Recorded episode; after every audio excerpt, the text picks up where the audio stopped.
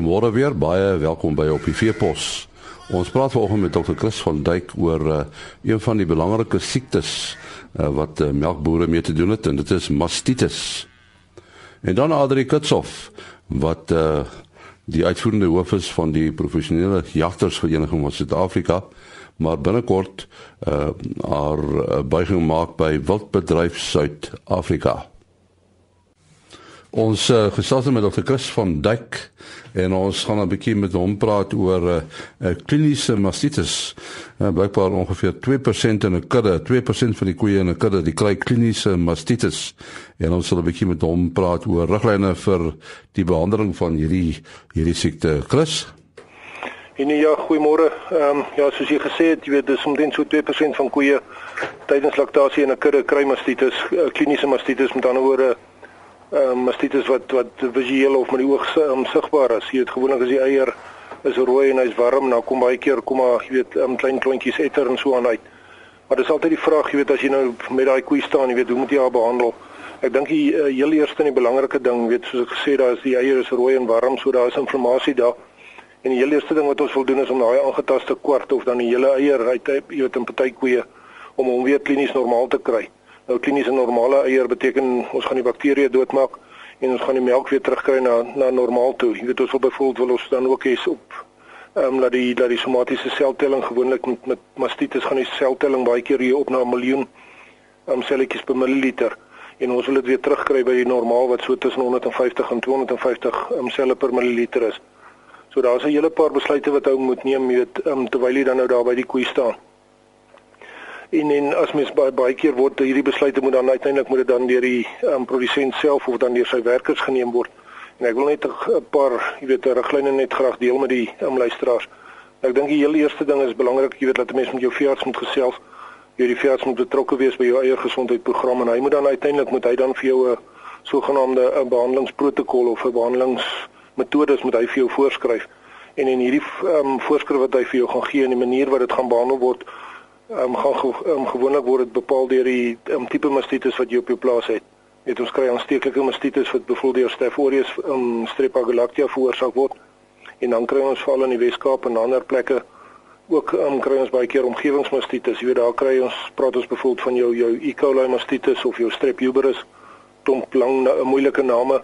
Maar ek dink uiteindelik is dit belangrik, jy weet, kry jy veel as betrokke, hy sal byvoorbeeld melkmonsters neem antibiogramme neem met ander woorde is um, melk wat in 'n laboratorium dan getoets word en dan kan hulle vir presies sê wat is die antibiotika om te gebruik. En en daai antibiotika, jy weet, is dan die um, voorkeur antibiotika wat jy moet gebruik. Want mens kry daar's baie mastitismiddels op die mark, maar baie van hulle het hierdie organismes al reeds so 'n weerstand ontwikkel teen hierdie um, spesifieke antibiotika. En dan dink ek uiteindelik so dis jy weet dis um, die die behandeling gelukkig is dit net omtrent 2 tot 3% van jou koeie wat wat kliniese mastitis kry of behoort te kry. Jy weet, as dit enigiets meer is, dit is natuurlik dan 'n ander 'n um, groter onderliggende probleem. So so die behandeling van die kliniese mastitis is maar deel van die totale eie gesondheidsprogram. Ek dink uiteindelik moet 'n mens gaan kyk ook na die weet nie net na die kliniese behandeling nie, maar mens moet gaan kyk na na die en fokus op die voorkoming dan van hierdie mastitis. As ons gaan kyk weer daar's 'n klomp 'n lang lys van goed wat ons kan doen en waarop ons moet fokus onder andere die melkhigiëne, jy weet die bestuur van die koeie se omgewing um, die melktoerusting, jy weet die speenhulse moet gereeld vervang word. Jy weet as die speenhulse sê dat elke um, 2000 melkings vervang word, dan moet dit elke 2000 vervang word. Ou kan nie dan aangaan en nog 'n uh, 100 of 200 melkings doen daarmee nie. Ehm um, en dan natuurlik baie belangrik is ook 'n ehm um, ek dink 'n effektiewe en dan ook 'n gestruktureerde immunisasieprogram. Wie die enting gaan nie direk nou vir die ehm um, vir die mastitis help nie, maar wat mense dan doen is om seker te maak dat daai dier se immuunstelsel geaktiveer is en as hy dan blootgestel word aan 'n ander siekte wat moontlik immuniteit kan onderdruk, byvoorbeeld BVD of jou IBR virus en so aan, um, dan dan het die dier uh, immuniteit daarteen en dan as hy dan blootgestel word aan die mastitis organismes, weet dan is sy immuniteit nie onderdruk nie en dan kan mense baie beter ehm um, reaksie dan verwag met daai um, spesifieke behandeling. Ek dink ook baie belangrik is is om te gaan kyk na die rekords. Jy weet rekords enige enige boerdery, weet het sy 'n vleisbeesboerdery of 'n skaapboerdery of 'n melkbeesboerdery, rekords natuurlik van um, kritiese belang.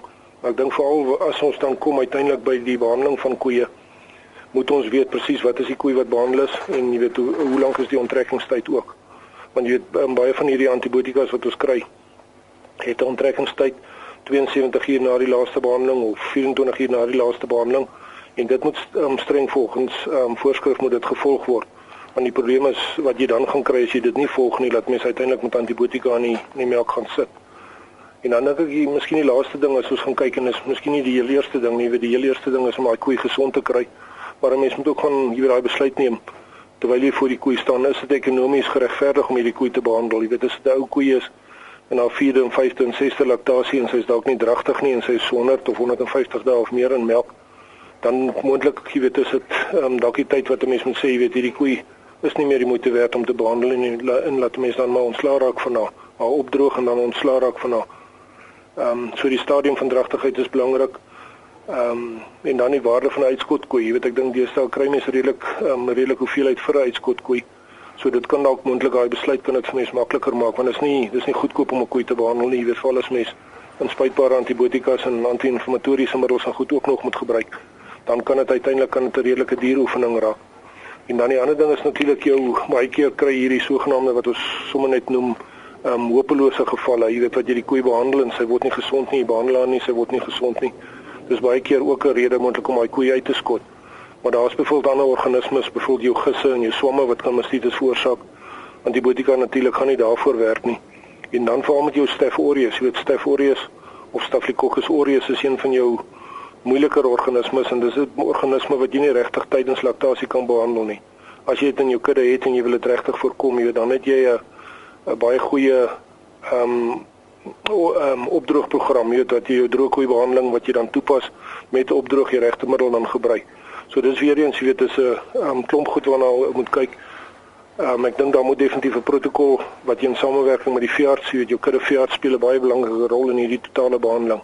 Mens kan nie net instap by die koöperasie of net instap by die veearts en sê jy weet ek soek 'n ehm um, uh uh oor mastitis medisyne en dink dit gaan uiteindelik die probleme oplos nie. So dis belangrik jy kry die veearts op die plaas laat hy betrokke raak met jou met jou melkkudde en laat hy uiteindelik dan daai uh, monsters wegstuur in 'n laboratorium toe en laat ons dan weet um, wat is die vyand teen wie ons beklei. Jy weet op daai manier gaan ons uiteindelik kan ons dalk um, gaan jy definitief sukses hê. Maar as jy dit nie doen nie, dan gaan jou um, behandeling van jou kliniese mastitis um, definitief ek dink 'n tydmors en dan ook 'n geldmors wees. Ja, ons sê dankie aan Dr. Chris van Dijk wat uh, wat volgens gesels het oor mastitis, kliniese mastitis. Ons uh, gesels met Adri Kutshof. Uh, Adri Kutshof is uh, tans die uitvoerende hoof van die professionele jagtersvereniging van Suid-Afrika. Maar uh, oor oor so 'n maand of 2 dan trek sy aan 'n baadjie aan. Dan word sy die uitvoerende hoof van Wildbedryf Suid-Afrika. Dit dis nou 'n interessante stap uh, Adri uh, van die jagters na die wildboere toe. Uh, hoe het dit gebeur? Ja, nee, dit is nogal 'n interessante stap, maar dit maak vir my, ek glo die sirkel vol. Ehm um, daar wat basies gebeur het is dat uh, is al besluit om 'n hoofuitvoerende bestuurder aan te stel en die pos is geadverteer. En ehm um, ek was nou in die jagbedryf, eers by die plaaslike bedryf vir so 9 en 'n half jaar en nou in die professionele of die internasionale jagbedryf 5 en 'n half jaar. En ja, ek het nogal gedink dat dit is 'n geleentheid en dit gee vir my geleentheid om nou die derde deel van die wildbedryf waarby ek nog nie betrokke was nie, ehm um, dan aan my gewig daar te kan ingooi oor so 'n paar maande. Nou, dis nogal wyd bekend dat die uh, dat die jagters en die boere nie altyd langs dieselfde vuur sit nie, nê?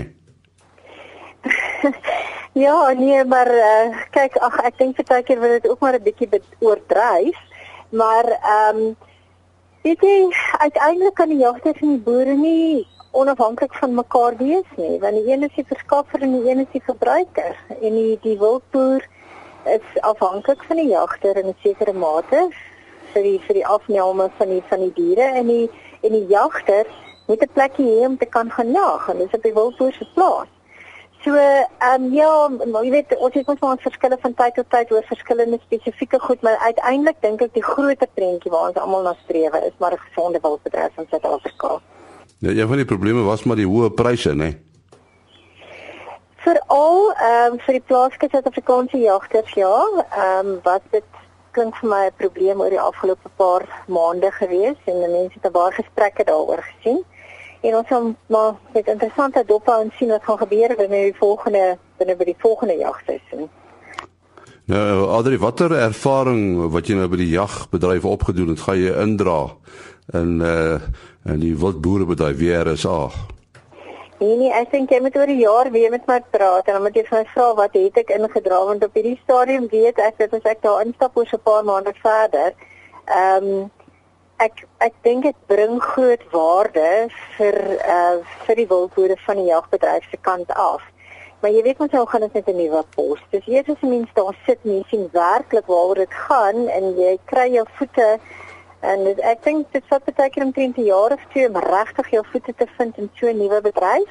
Ehm um, en ek dink dan gaan ek beter weet om vir jou te kan sê wat ek wat ek sien toe geneem het, maar die groot my groot ehm um, droom is natuurlik dat ons almal in Suid-Afrika moet streef na die na die groter prentjie. En die groter prentjie is ons in Suid-Afrika die wildbedryf en ek praat die van die totale wildbedryf het so wonderlike produk om te offer. Ehm um, jag, toerisme op soveel gebiede.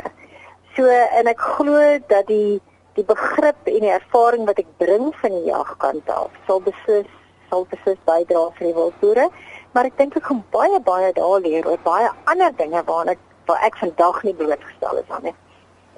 Ja, so elke nou en dan is daar 'n seer puntjie nee, mens dink net maar aan uh, aan die hele leeu eskapade wat op die oomblik wêreldwyd woed. Mm. Weet jy die leeu eskapade het vir ons by ehm um, by Vader die afgelope 2 dae dag en nag opgehou. En ek kan nie vir vertel met hoeveel hoeveel radiostasies wêreldwyd het ons gepraat nie. Wat vir my baie interessant is is die die skuif nou amper van die insident self. Want ons kan nie oor die insident self praat nie. Dit is iets wat in Zimbabwe gebeur het behalwe om te kan sê dis klaar klaar blyklik 'n onwettige jag gewees en ons is totaal en al teen onwettige jagte. Maar die, dit lyk my klein klein verskuif na daarna toe dat daar totale ehm um, oproer nou is daar buite dat trofee jag nou gestop moet word. En die groot vraag van van internasionaal kyk maar na na Suid-Afrika sê Suid-Afrika wat gaan julle doen om dit te stop? Wat sê wat gaan julle doen om dit beter te maak? En weet jy ons soos almal weet, ons ons het soveel regulasies en wetgewing in plek. Dit is reeds dit dit word reeds so goed gekontroleer en dit is die boodskap wat ons al buite moet uitkry. Dit word gereguleer. Dit is jammer dat een so insident nou die hele bedryf natuurlik nou weer nadele geraak. Ehm um, en die boodskap wat ons uitkry is om trofeejag te stop, gaan ons nie ons wildlewe getalle of ons wildlewe enigsins 'n guns doen nie. Ons kom ons gaan kyk en vergelyk met wat het met Kenia gebeur en in vergelyking met wat het in Suid-Afrika gebeur met wild met wildlewe. So dit is regtig 'n tamaletjie en 'n seer vinger hierdie. Uh, nou uh, jy weet jy jy's jy's 'n vrou. Ek dink baie mense sal nou vra hoe 'n vrou betrokke geraak by by 'n bedryf wat uh, miskien bietjie oorhel na die man se kant toe. ek dink heel per ongeluk hoor. Ek het in uh, 2001 in KwaZulu-Natal het ek 'n halfdag pos aanvaar by die plaaslike jagvereniging daar en ek het uh, dit was vir bemarking en finansies. En nou sit ek maar die nuuskierigheid van 'n vrou. Ek het gesê ek kan nie die werk doen as ek verstaan waaroor ek gaan nie en toe ek nou maar begin skiepaan toe gaan en ek het geleer skiet en ek het vier wapens begin aankoop en ek het uiteindelik begin jag en uiteindelik het ek toe nou maar daar ehm um, vir KwaZulu-Natal begin verteenwoordig by die ander by die Chaza en uiteindelik by die nasionale forums en dis die een ding wat ek moet sê die manne in hierdie bedryf ehm um, het ek nog nooit gevind kyk af of kyk meer op 'n vrou nie ek dink hulle het respek vir vir dit wat ons bring na die tafel toe en uiteindelik is ek maar net nog iemand wat om die tafel omsit en omgee oor Suid-Afrika en oor ons beeld en oor ons bedryf en en ek dink dit sien mense raak. So of ek nou 'n man of 'n vrou is, ek ek het dieselfde benefiete van ons bedryf en en dit word dalk dit dalk wat gerespekteer word. Dan sê Adri Kotsov, en sy is eh, 'n uh, vrou wat uh, saam met die manne praat wanneer dit kom by wild boerdery en ook die jagbedryf. Môreoggend om 4:45 is ons terug. Tot dan, mooi dop.